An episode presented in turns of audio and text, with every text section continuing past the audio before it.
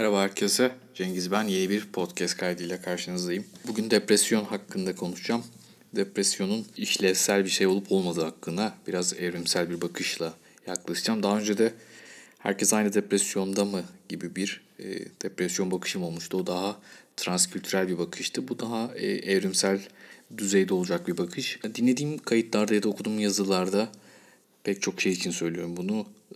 Konulara insanlar çok uzun uzun girişler yapıp ne anlattıklarını belki de işte kaydın kuytu bir köşesinde söylüyorlar. Ben o yüzden belki daha ilgi çekici olur diye, dikkati daha hızlı toparlayabilir diye en başta ne mesaj vereceğimi söyleyeceğim bu kez. Depresyon zaman zaman adaptif tarafları olan bir şey ve zaman zaman belki de faydası olan bir şey. Dinleyince ilginç geliyor belki. Ben de mesela okuduğumda e, gerçekten ilginçti. Depresyonla da ilgili pek çok ya da işte duygu durumu ilgili pek çok şey var aslında. Konu başlığı var. İşte ne bileyim nörobiyolojisi var e, sosyal yönleri var, ekonomiyle ilgili e, çeşitli ortak yerler var ama çok, oralar çok ilgi çekici gelmedi bana açıkçası.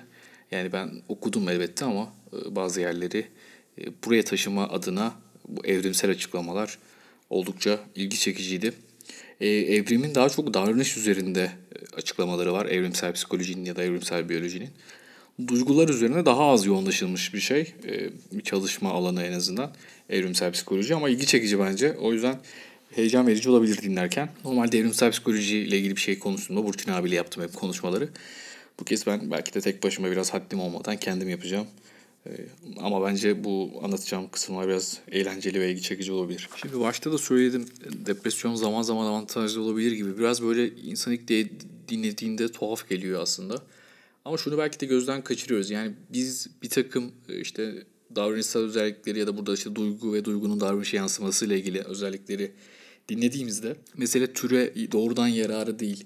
E, mesele e, türün kendisini kodlayan genlerin frekansını nasıl arttırdığı, üreme başarısını arttırması ve genlerini bir sonraki nesile aktarma aslında evrimin biraz da işte üzerine odaklandığı nokta.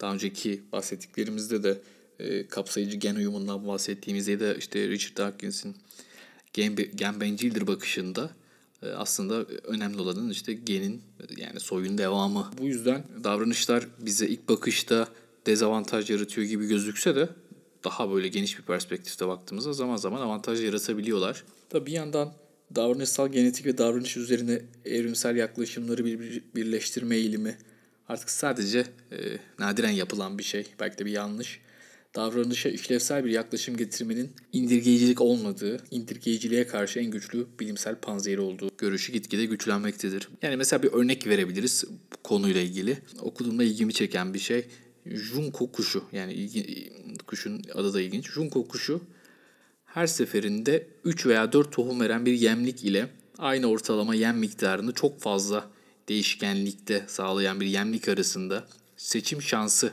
verilince bu junko kuşu olan şartlarda düşük riskli yemliği saçıyor.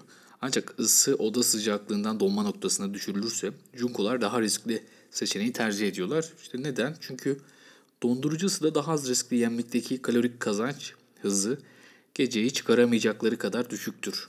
Oysa riskli strateji onlara en azından biraz yaşama şansı verir. Bunu böyle okurken aklıma bu sokağa çıkma yasağının ilan edildiği an geldi. Sanki jun kokuşları gibi insanlar o riskli tercihleri koşarak yapmaya çalıştılar. Sanki e, evdeki imkanlar ya da kararname açıklandığında, devamı açıklandığında işte muhtemelen bir takım imkanlar verilecekti insanlara işte şu ne bileyim ekmek, su. İnsanlar bunu düşünmüştür diye düşünüyorum ama sonuçta bir yandan da olağanüstü bir şarttı ve e, bir risk aldılar. Çünkü işte e, sokağa çıkma yasağı insana böyle bir hani açlık açlıkla sınanma riskini belki de beraberinde getiriyordu. Bu nedenle sokağa koştu herkes. Zaman zaman verdiğimiz kararlar e, ortamın riskiyle e, değişiyor. Yani bizim oluşturduğumuz stratejiler e, ortamın koşullarına göre değişebiliyor. Peki yani depresyona daha yakından biraz daha bakarsak Doğal seleksiyonun her hastalık için neden bedeni dayanıklı ve dirençli kılmadığı sorusu e, ortaya çıkabilir. Ya da en basitinden mesela neden işte 20'lik dişimiz var, neden işte apandisitimiz var, neden işte kör bağırsağımız var. Yani bunların bir yerden sonra işe yaramadığını düşündüğümüz için bunları örnek veriyorum.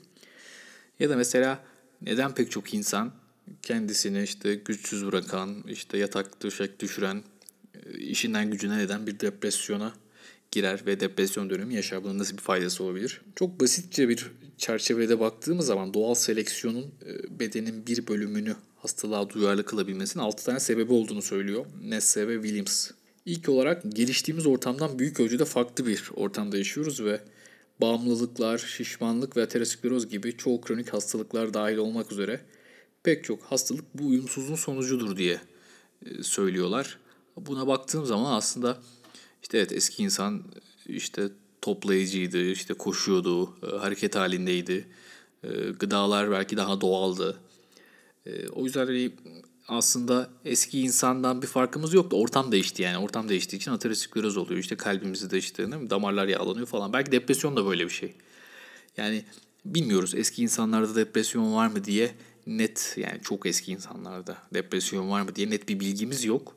Varsa bugünkü prevalansıyla nasıl bir farkı var bunu da çok bilmiyoruz. Yani muhtemelen zaten bugünkünden hazır çünkü gitgide artan bir prevalans var depresyonla ilgili. Zaten evrimsel açıklamalarda bu artış da çok açıklamayı zorlaştıran bir şey bir yandan. E, ikinci neden belki de bugünümüzle ilgili bir şey. Patojenler bizden çok daha hızlı geliştiği için enfeksiyonlara yatkınız.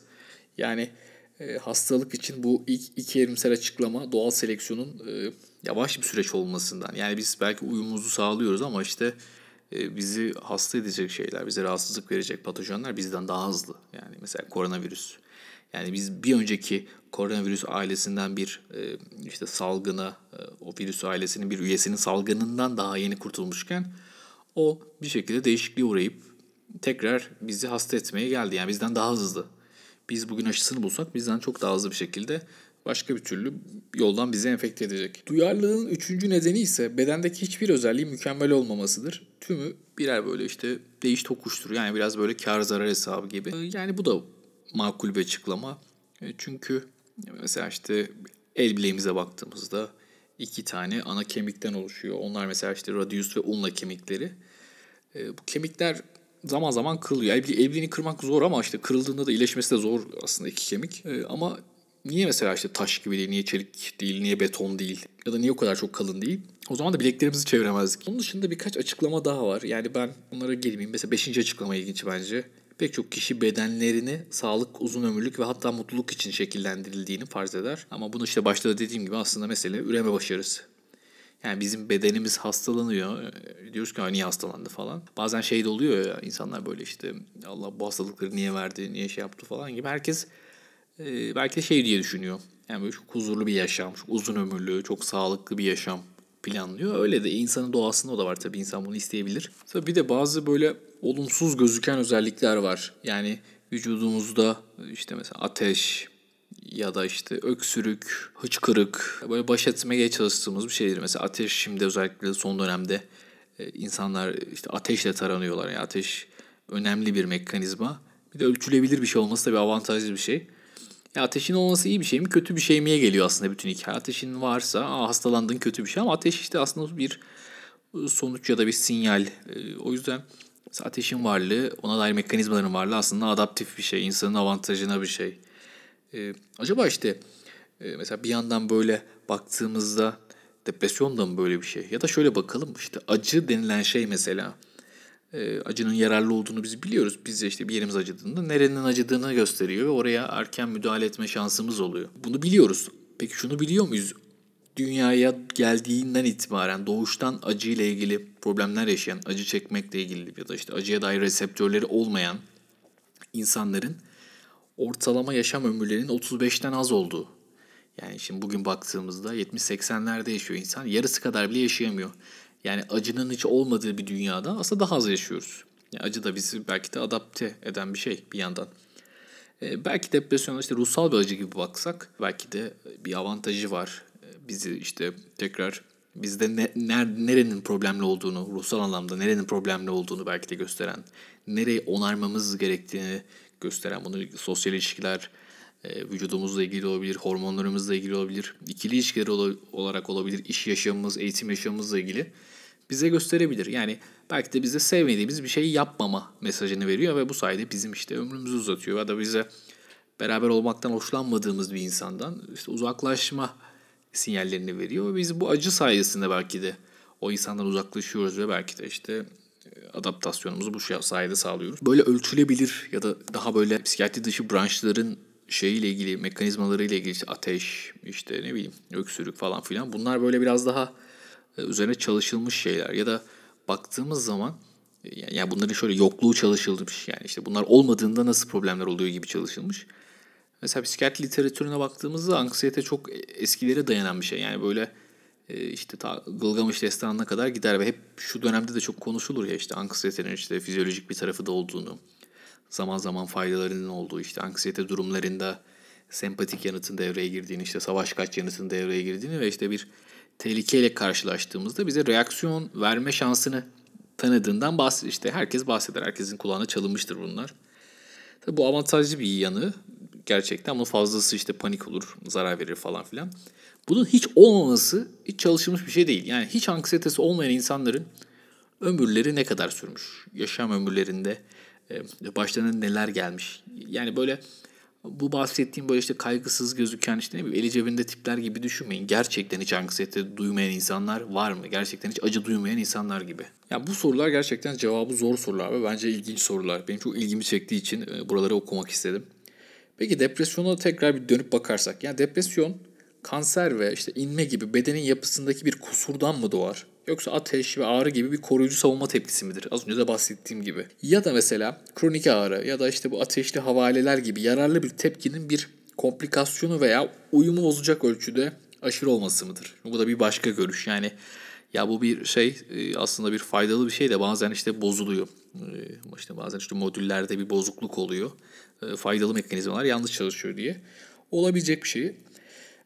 Yani kesin olmasa da ve temelde ikinci derece kanıtlarla desteklense de bir cevap depresyon hakkındaki bildiklerimizin bütünleştirilmesi ve yeni araştırma sorularının ortaya atılması için bir çerçeve oluşturacaktır belki de.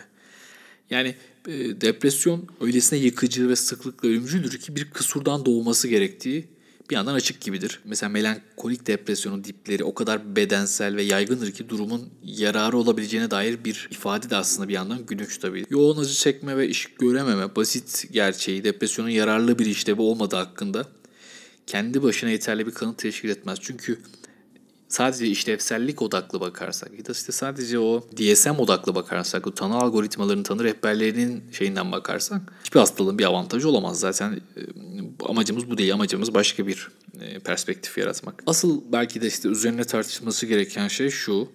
Normal sınırlar içerisindeki duygu durum değişkenliği kapasitesinin bir uyum mu yoksa bir epifenomen mi olduğudur depresyonun özgül bir işlevinin olmaması ve bir epifenomen olması elbette mümkündür. Bunu kim demiş? Duygu durumun işte yaşayan babası Akiskal demiş. Yine de bazılarının duygu durum çökkünlüğünün yararlı bir tepki olduğuna inanmaları için çeşitli sebepler vardır. Evrensel olması, çevrenin önemli ve sürekli özellikleri tarafından düzenlenebilir olması ve davranışı anlaşılabilir biçimde etkiler olmasından dolayı. Peki depresyonla ilgili konuşmaya devam edelim. Biraz epidemiolojik de bakarsak. Başlangıç yaşı yaşamın en iyi evresinde. Yani depresyon ortalama başlangıç yaşlarından bahsediyoruz. Yani yeni başlangıçların görülme oranı bu seleksiyonun en güçlü olduğu erken erişkinlikte zirveye ulaşıyor. Başlangıç oranı yaşamın erken dönemlerinde zirve yapan az sayıda tıbbi hastalık olmakla birlikte çoğu hastalığın insidansı erişkinlikte düzenli biçimde yükselir. Bunun üretkenlik değerinin cinsel olgunlukta en yüksek olması ve böylece seleksiyonun bu yaşta en güçlü olması gibi sağlam bir evrimsel nedeni vardır. Bir diğer açıklama bence oldukça kıymetli bir açıklama. Depresyonun neden bedendeki diğer her şey işlevsel açıdan zirvedeyken başlama eğilimi gösterdiğinin sırrı belki de belki de ben ama modern zamanlar için buna inanıyorum.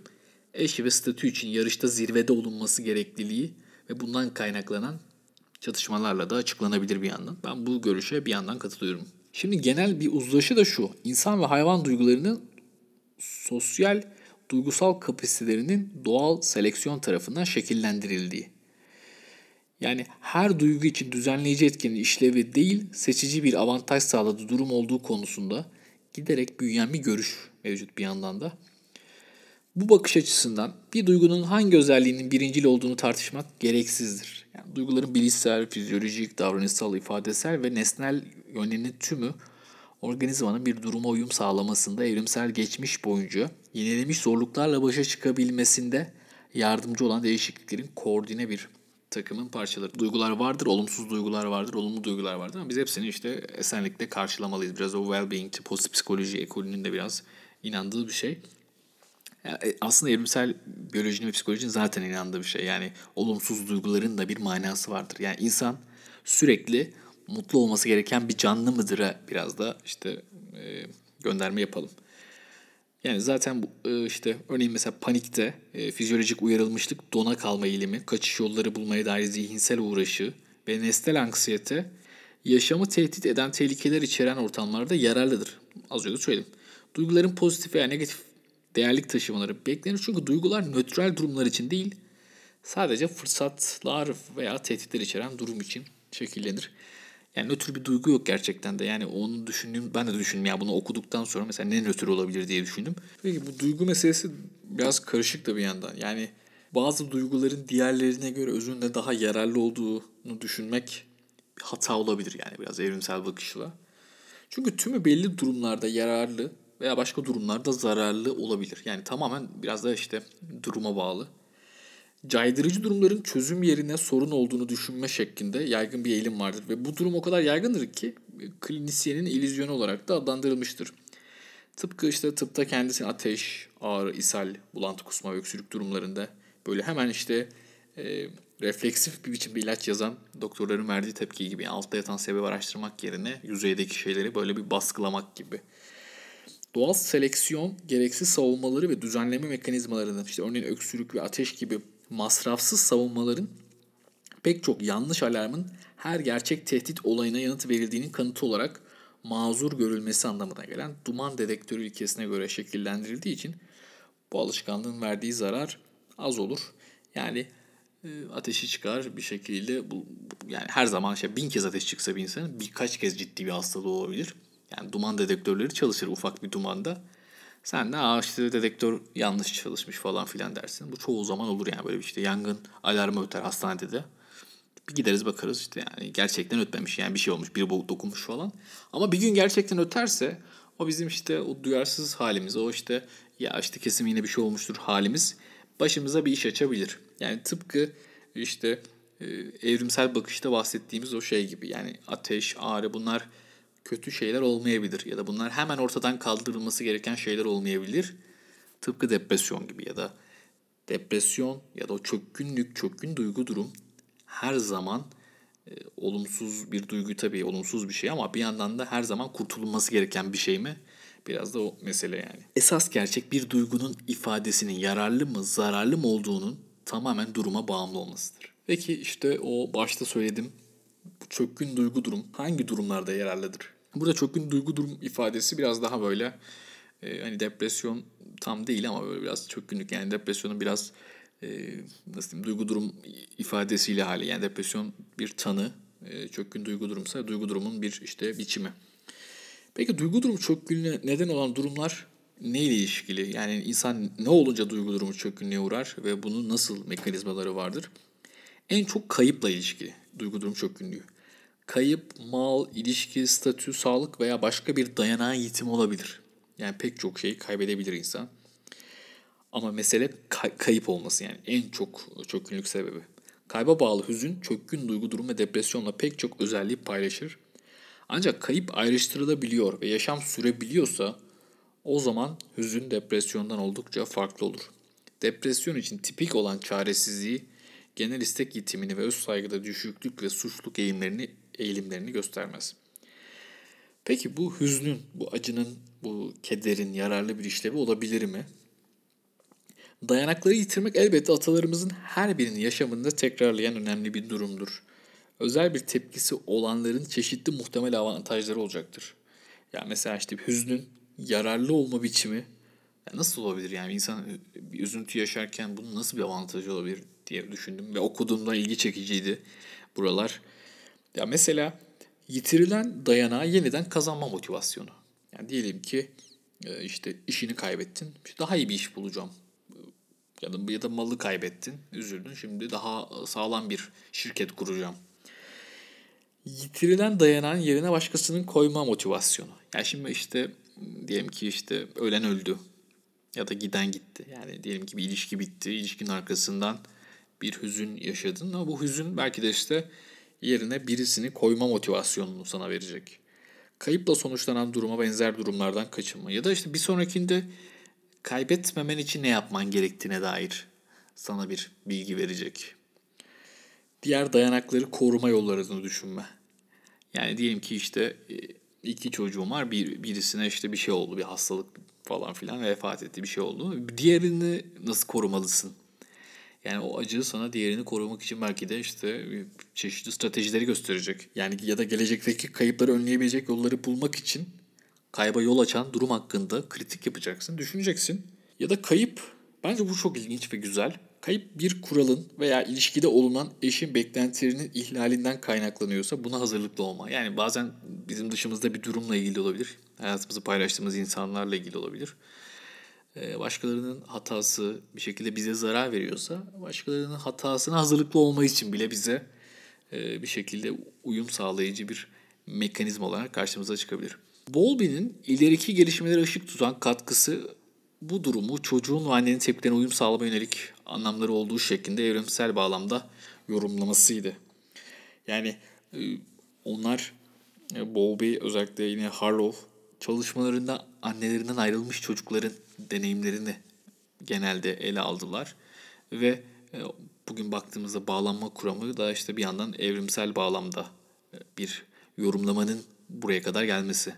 Özellikle başlangıçtaki protestonun anneye konumu ve ihtiyacı işaret etme denemesi, daha pasif keder evresinin ise anne uzun süre için uzaktaysa av olmaktan korunma ve dayanakları koruma yolu olarak görülmüştür. Yine kayıpla ilgili, e, kayıpla ilgili o kederin nasıl bir avantajı olduğuna dair bir e, örnekte. Yine dayanakların yetersiz olduğu durumlarda pasifliğin yararı yine çocuğun durumuna vurgu yapan tasarruf amacıyla geri çekilme kavramını güçlendirmiştir. Yani depresyonunu belki de retardasyonu işte dayanıkların yetersiz olduğu durumlardaki o pasif olma halini e, bize gösteriyor. Peki yasın sevilen birinin kaybı ile baş etmeye yönelik bir yanıt mı yoksa bağlanmanın bir epifenomeni mi olduğunu belirlemeye kalkarsak yine çok gün duygu durumla alakalı olduğu için yasa giriyoruz. Konuyu en yoğun biçimde ele alan John Archer 99 yılında yasın yararlı olabilmek için fazla uyum bozucu ve bağlanmayla fazla yakından ilişkili olduğu sonucuna varmıştır. Bağlanmalar kaybı mutlaka yas anlamına getirecek kadar sınırlı olabilir ya da beklenen kaybın acısı bağlanmaların işlevleri için zorunlu olabilir. Ancak bireyin yaşayan akrabalarına derin özgecilik ve sevgi sunamamaları ve ölümleri sonrasında büyük bir zaaf olmaksızın yaşama devam edememeleri için bir neden var gibi görünmemektedir. Ek olarak yasanın belirgin acısı bizzat gelecekteki kayıpları önleme ve yaşamda esas ayarlamalar yapmak zorunda olma durumu ile baş edebilme açısına yarar sağlayabilir. Az önce de bahsettiğim gibi. Depresif hastaların genel iritabilitesi ve çoğu insanın onlardan uzak durma isteği bunun ana bir işlev olduğunu görüşünü olumsuz etkiler. Ama hafif depresyonun e, genellikle başkalarından yardım sağlanmasına yol açıp açmadığını belirleyecek verimiz henüz yok. Yani depresyonun belki hafif formları e, kısmen işlevsel olabilir. Yani ağır formu olmaz diyor buradaki yazarlar. Son yıllarda geniş aile gruplarının terk edilmesi, sosyal çer- sosyal çevreyi yardım istemeyi de değiştirebilecek biçimde kökten farklı hale getirmiştir. Belki de en iyi geliştirilmiş öneri depresyonun bir statü kaybı çatışmasından sonra yararlı olduğudur. Hayvanlar üzerinde ve klinik gözlemlerin temelinde ilk kez John Price, kaybın ardından süren zorlamaların kaba saldırılara yol açarken istemsiz teslim olmanın boyun eğmeye işaret edip kavgayı bitirdiği varsayımını öne sürmüştür. Bu fikri çalışmalarında teslim olmaya isteksizlikle depresyonu, teslim olmaya, teslim olmayla düzelmeyi ilişkilendiren bazı arkadaşları ile işbirliği içinde daha da geliştirmiştir. Yani bazen gerçekten işte depresyon bir teslim olmama e, ya da işte teslim olmama ama istemsiz bir teslim olmama ama işte biraz da o çatışmaları e, o işte sonlandırmak için bir yandan da bazen işte ringde bir boksör de daha fazla şiddet görmemek için, daha fazla dayak yememek için diyeyim. Havlu yatar, onun antrenörü atar. Bazen kendisi el kaldırır. Bazen hakem bitirir falan filan. Yani bazen işte e, depresyon da böyledir. Yani istemez tabii ki de orada teslim olmayı ama olması da gerekir. Çünkü bir sonraki dövüşe sağlam çıkabilmesi gerekir. İnsan da zaman zaman işte bazı çatışmaları depresyonla işte son verip bir sonraki çatışmaya belki de daha sağlam gidebilmek için bu istemsiz teslim olmayı e, yapabiliyor. Bu konunun önemi depresif hastalardaki öz saygı düşüklüğünü ve çabalama azlığını açıklamaya yardımcı olmasındadır. Saldırıya karşı koruyacak olanlar tam da bu özellikler olup aynı zamanda da oluşturulması en güç olanlar bunlar. Bununla ilişkili bir açıdan Hartung 1988'de özellikle becerili olan insanların yetilerini saldırılardan korunmak amacıyla sıklıkla üstlerinden gizleyebildiklerini ve böylece bazı depresyon olgularının ve nevrozun tipik özelliği olan öz engellemenin açıklanabileceğini öne sürmüştür. Bence bu çok kıymetli bir bilgi. Kişi etkili bir eylemin gerçekleşme olasılığının düşük olduğu tahmininde bulunduğunda bir hüzün hissi ve cesaret kırılması ortaya çıkabilir. Hüznün ve cesaretin kırılma hisleri durumu değiştirmeyi düşünmek için yararlı bir uyaran olabilir. Hüznün kişinin yaşamındaki önemli ötekilere yönelik ilgide artış ve sempatik yaklaşım doğurabileceği de söylenmiş. Başka çalışmada ise Duygu durumun hedeflere erişme derecesinden değil, yaklaşma hızının beklenen yaklaşma hızı ile karşılaştırılmasından etkilendiğini göstermiş. Yani mesele sonuca varmak değil de o sonuca giderkenki yolculuğumuzdaki hızımız. Yani bir hedefe giderken beklenenden daha hızlı ilerleme duygu durumu yükseltmekteyken hedefe ulaşmanın beklenenden fazla zaman veya çaba gerektirmesi ya da gerektireceğini hissetmemiz duygu durumunu çökkünleştiriyor. Çökkün duygu durumun bırakılması gerektiğini işaret etmesine rağmen bir hedefin kovalanmasında ısrar edilmesi giderek güçlenen ve sonunda patolojik hale gelen depresyonun gelişmesine yol açar. Bunu belki de en çok nerede görüyoruz? İşte aynı bölümü işte 8. 9. 10. senesinde okumaya çalışan, ısrar eden, bir türlü mutlu olamayan, e, yani benim gördüğüm işte belki de yaşım itibariyle bir projeye uzun yıllar yatırım yapan, e, yani bazen işte herhalde e, hedefe giderkenki hızımızı bir belirteç olarak alıp bazen pes etmemiz ya da işte vazgeçmemiz gerekebilir. Birbring'in 1953'te uzun süre takdir gören doyurul, doyurulamayan yüksek yatırım arzuların merkezi rolünü vurgulayan psikanalitik makalesinin özünü işte bu teşkil eder. Yani hedefleri izlemenin rolü üzerine çok benzer bir ilgi ee, yine e, Maguire'ın ve Troisi'nin çalışmalarında da gösterilmiş gerçekçi olmayan isteklerin depresyondaki rolünü saptamaları e, bütün bu çalışmaların temelini oluşturmuş. Yine bir yandan küçük düşme veya kapana kısılmayı içeren durumların depresyonla sonuçlanması en olasıdır. Bu durum çökkün duygu durumun istem dışı teslim olma işlevleriyle uyumlu olarak yorumlanmakla birlikte kaçınılmaz ama erişilmez hedeflerin önemine dair daha geniş bir görüş içinde eşit oranda destek sağlar.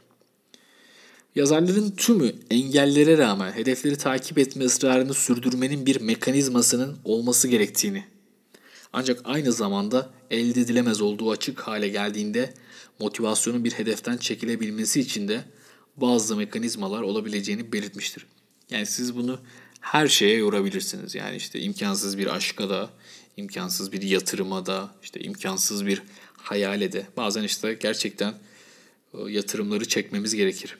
Şunu mesela örnek verebilir. Bir kadının depresyonu, madde bağımlısı ve olası ölümden kurtulma konusunda kızına yardım etme çabalarının faydasız olduğunu anlamasıyla ortaya çıkabilir. Bir başkası eşinin içki alemlerini durduramaz ama ev, evliliğinden de umudunu kesemez. Bazı yüksek lisans öğrencileri tam işte yoğun bir programın ortalarına geldikten sonra başkalarının daha iyi olduğunu görür. Ne kadar çalışsalar da bunu telafi edemeyeceğini ve başka bir uygun kariyer çizgisi göremediklerini fark ederler.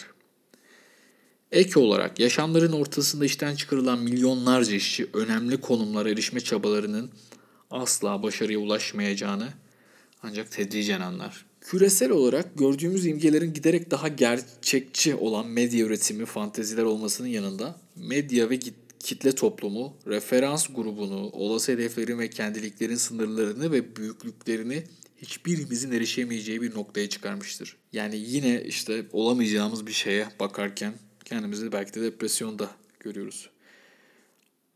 Bu bütün bakışlarda yani bu son anlatım kısımda kişilik özelliklerinin depresyona nasıl katkı yapabileceğine dair mekanizmaları ele almak için bir bir yandan bir çerçeve sunar. Yoğun hırs, güçlü bağlanmalar, yalnız kalma korkusu, hayatın tüm anlamını bir büyük hedefe yükleme eğiliminin tümü kişinin kendisine erişilemez bir hedefin takibine mahkum bulmasını daha olası kılan özelliklerdir.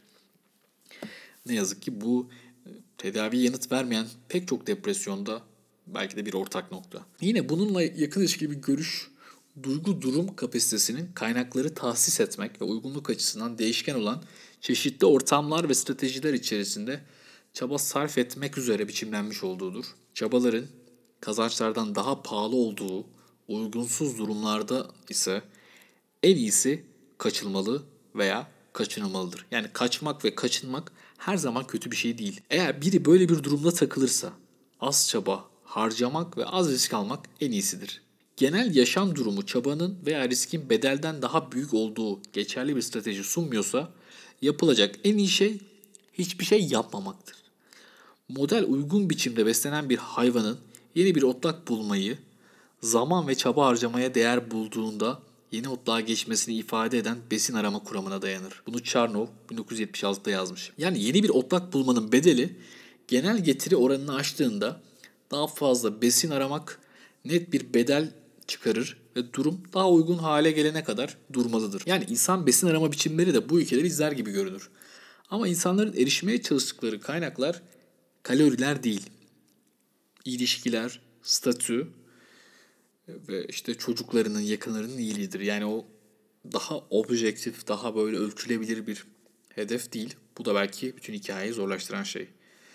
Davranışçı ekolün işte ya da ekologlarının tarif ettiği çaba kategorileri insan yaşamlarını karıştıran değiş tokuşlara bakmak konusunda yardımcıdır.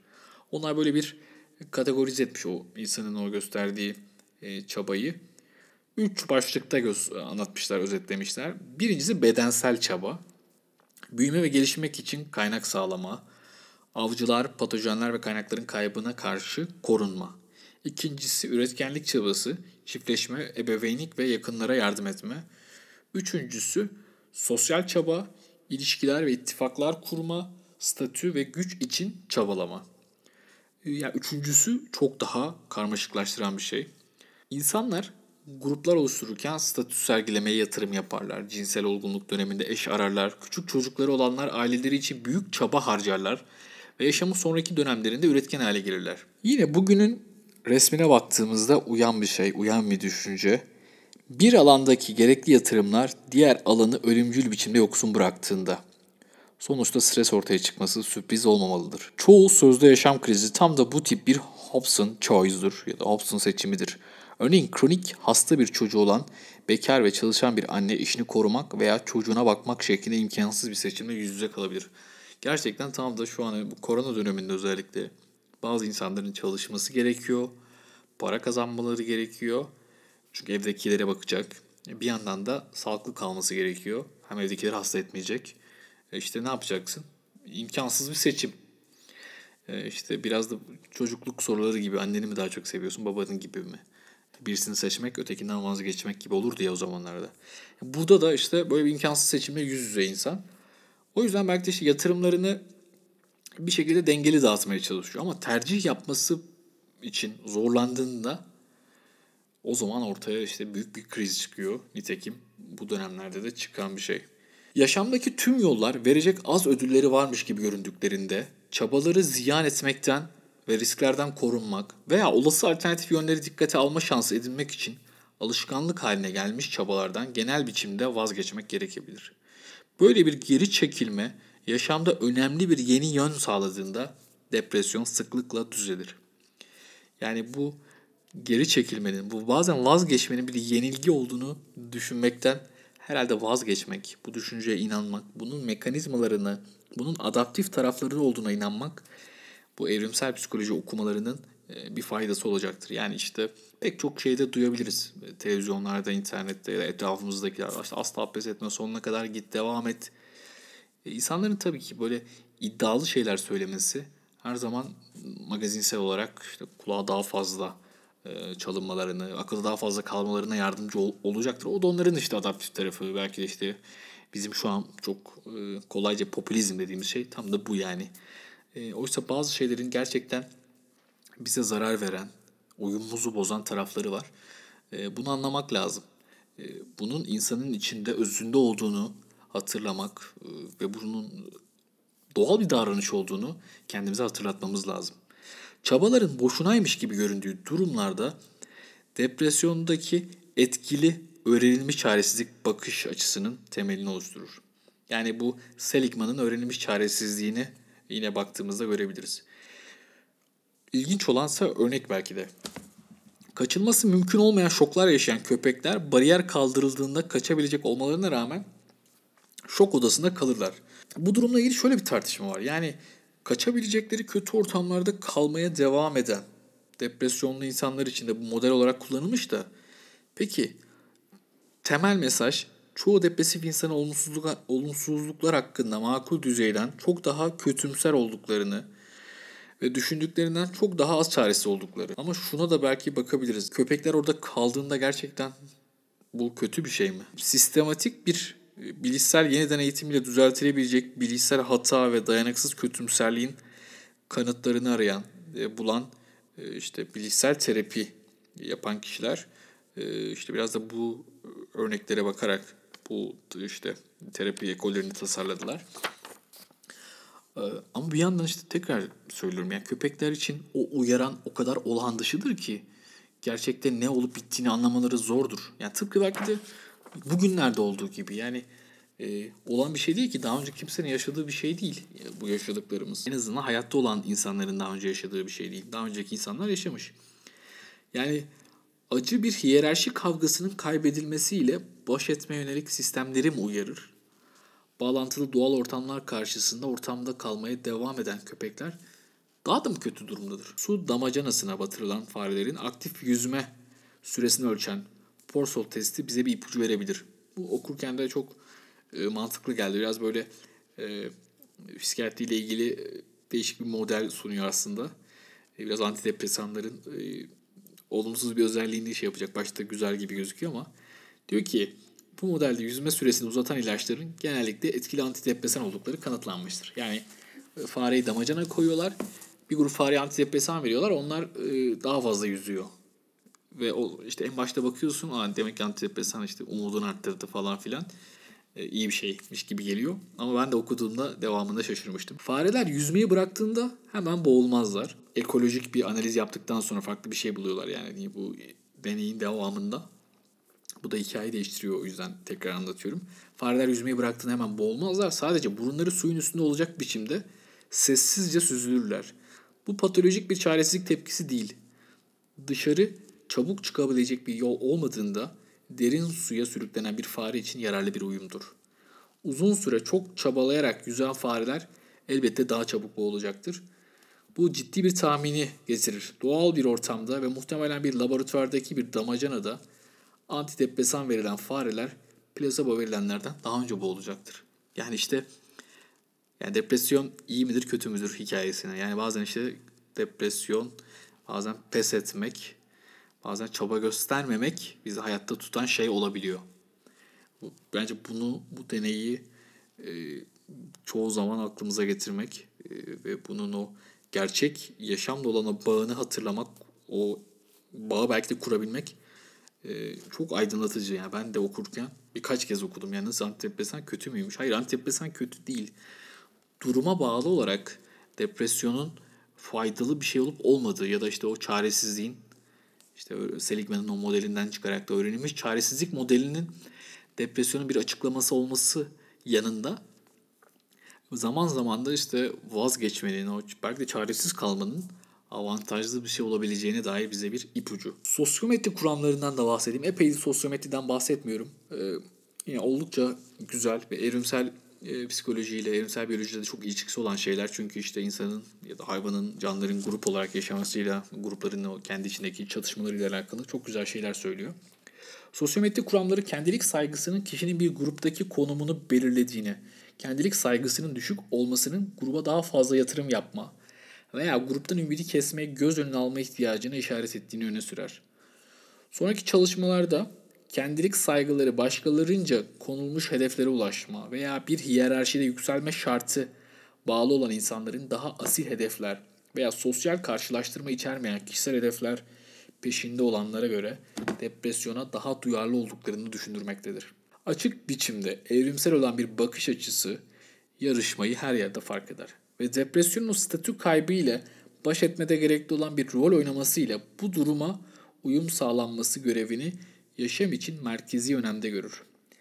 Allen ve Baddock 2003'te insanların sosyal yatırım potansiyellerini dikkatlice izlediklerini, düşük olduğunu algıladıklarında ve gruptan atılma riski doğduğunda depresyon durumunun risk almanın baskılanması ve diğerlerinin değerlendirmelerinin izlenmesindeki artış ile koruyucu rol oynadığını ileri sürmüşlerdi. Yani böyle geriye çek, çekiliyorsun. Böyle çok sesini çıkarmıyorsun. Ortamda çok gözükmüyorsun. Ve bir şekilde hem kendini koru, korumuş oluyorsun. Hem de risk almıyorsun yani. Bir diğer bakış, bu da çok benim aslında bu konuyu okurken kesin bunun açıklaması budur diye şey yaptığım ama daha sonralarında okuduğum kaynağın daha sonralarında belirtilen yer belki de başta aklımıza gelen bir şey. Yaşamsal olmayan merkezi hayat amaçları veya stratejileriyle karakterize olan durumlarda savaştan kaçınmak ve olası büyük değişiklikler için enerji ve zaman ayırmak en iyisi olabilir. Evingood 89'da temel gözler geçirmenin gerekli olduğu durumlarda düşük duygu durumun yararlarını tarif etmiştir. Geri çekilmenin sabit baskılar ve mücadeleyle uğraşmaksızın tüm seçenekleri gözden geçirmenin yararları depresyonun kullanımı ile ilgili göstergelerden biridir.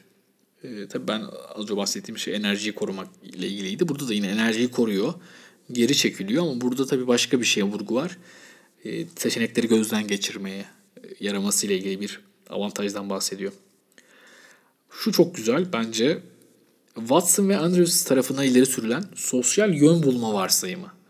Sosyal zararla yüzleşildiğinde, fiziksel acıya benzer bir duygu deneyimlediğinde ve mevcut durumun işlevsiz olduğuna dair sinyaller alındığında depresyonun kullanımına işaret eder. Kanıtlar yani kanıtları depresif düşüncenin daha gerçekçi olduğu şeklinde özetlerler ama depresyonun gerçekte bir adaptasyon mu yoksa basitçe pembe gözlüklerle bakmaktan vazgeçmiş mi olduğu yine kesin değildir. Hagen'in 2002'deki postpartum depresyonun yardım almayı arttırdığı ve bazı iyileştirici sonuçları olduğu yönündeki kanıtlarına rağmen depresyon başkalarının daha çok yardımını sağlayıp sağlamadığı kesin değil. Yani bu zor bir soru aslında gerçekten. Yani depresyondayken daha fazla yardım alıp almadığımız e, değişebilir. Yani kültürden kültüre değişebilir. Daha önceki e, bahsettiğim podcast'te gibi. Yani bazı kültürlerde depresyonda olmak ayıp gibi bir şey. Çalışmamak ayıp çünkü ya da hastalanmak ya da sızlanmak ayıp. Bazı kültürlerde bu daha hoş karşılanıyor. Belki o kültürlerde bir avantaj olabilir.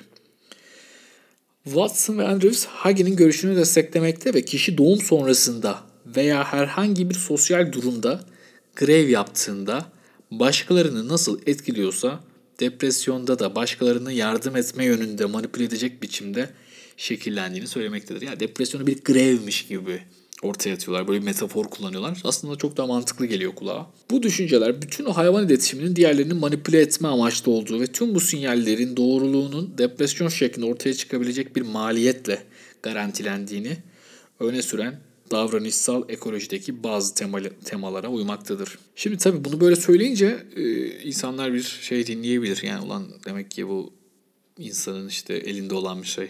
Bir üçkağıt yani böyle bir stratejik bir hamleymiş gibi depresyon biz bunu biyolojik sanıyorduk, elinde olmuyor sanıyorduk. O tabii e, olan bir şey yani e, yanlış bir yere gidebilir. Yani evrimsel psikolojiyle ilgili konuşmaların çoğu zaten bu tarz yerlere gidiyor. Onun öyle olmadığını hatırlatayım. E, yani çünkü depresyonun böylesine manipülasyon veya zorlama işlevine sahip olma olasılığı depresyon üzerindeki damgayı kaldırmaya çalışanlara kötü gelmekle birlikte. Bunun en önemli kanıtı depresyonun huysuz kişilerde çok daha sık görülmesidir. Yani gerçekten yani huysuzluk yapıyor, depresyonlu yok bunun huysuzluğu var diyorsun. Belki depresyonla kıymet vermiyorsun ama gerçekten huysuzlarda da depresyon daha sık görülüyor. Daha söylenecek çok fazla şey var. Aslında pek çok yere atladım çünkü Çok uzadı bu kayıt. Kendim e, okurken ya burası çok e, tatlı bir bilgiymiş dediğim bir yeri de söyleyeyim. E, ondan sonrası e, için artık son vereyim bu kayda. Durumlardan yani duyguların nasıl değiştiğinden bahsetmiştim ya da işte çeşitli e, mekanizmaların oluştuğundan bahsetmiştim ama asıl e, bir, bir duygunun faydalı olup olmadığının bize e, durumun neticesinde e, görebildiğimiz yani olumlu ya da olumsuz bir duygu hangi durumda var hangi durum varlığında ortaya çıktı, çıkıyorsa o zaman belki de onun faydalı olup olmadığını konuşabiliriz. Bunun için şunu söyleyebilirim. İyimser yatırımcılar 1990'ların sonunda çok kazanırken yeni yüzyılla birlikte kaybetmişler. Kötümserler ise bonolardan kar etmişler. Yine bolluk zamanlarının güvenli ortamında düşük duygu durumuna eğilim gösterilmesi uygunken açlık, politik gerginlik ve katı hiyerarşi koşullarında valla tam şu zamanlar düşük duygu duruma geçme kapasitesinde olanlar ciddi olarak avantajlıdır. Yani şu an depresyona girebilen insanlar uzun vadede ya da işte tam depresyon değil de çok gün duygu durumuna giren insanlar e, genel bir avantaj sağlayabilirler. E, bu ilginç bir bilgiydi. Yani duruma göre olumlu ya da olumsuz duyguların e, bize işte adaptasyonumuza yardımcı olup olmaması ile ilgili enteresan bir bilgiydi. Buraya kadar sabredip dinleyen herkese çok teşekkür ederim. Kendinize iyi bakın, hoşçakalın.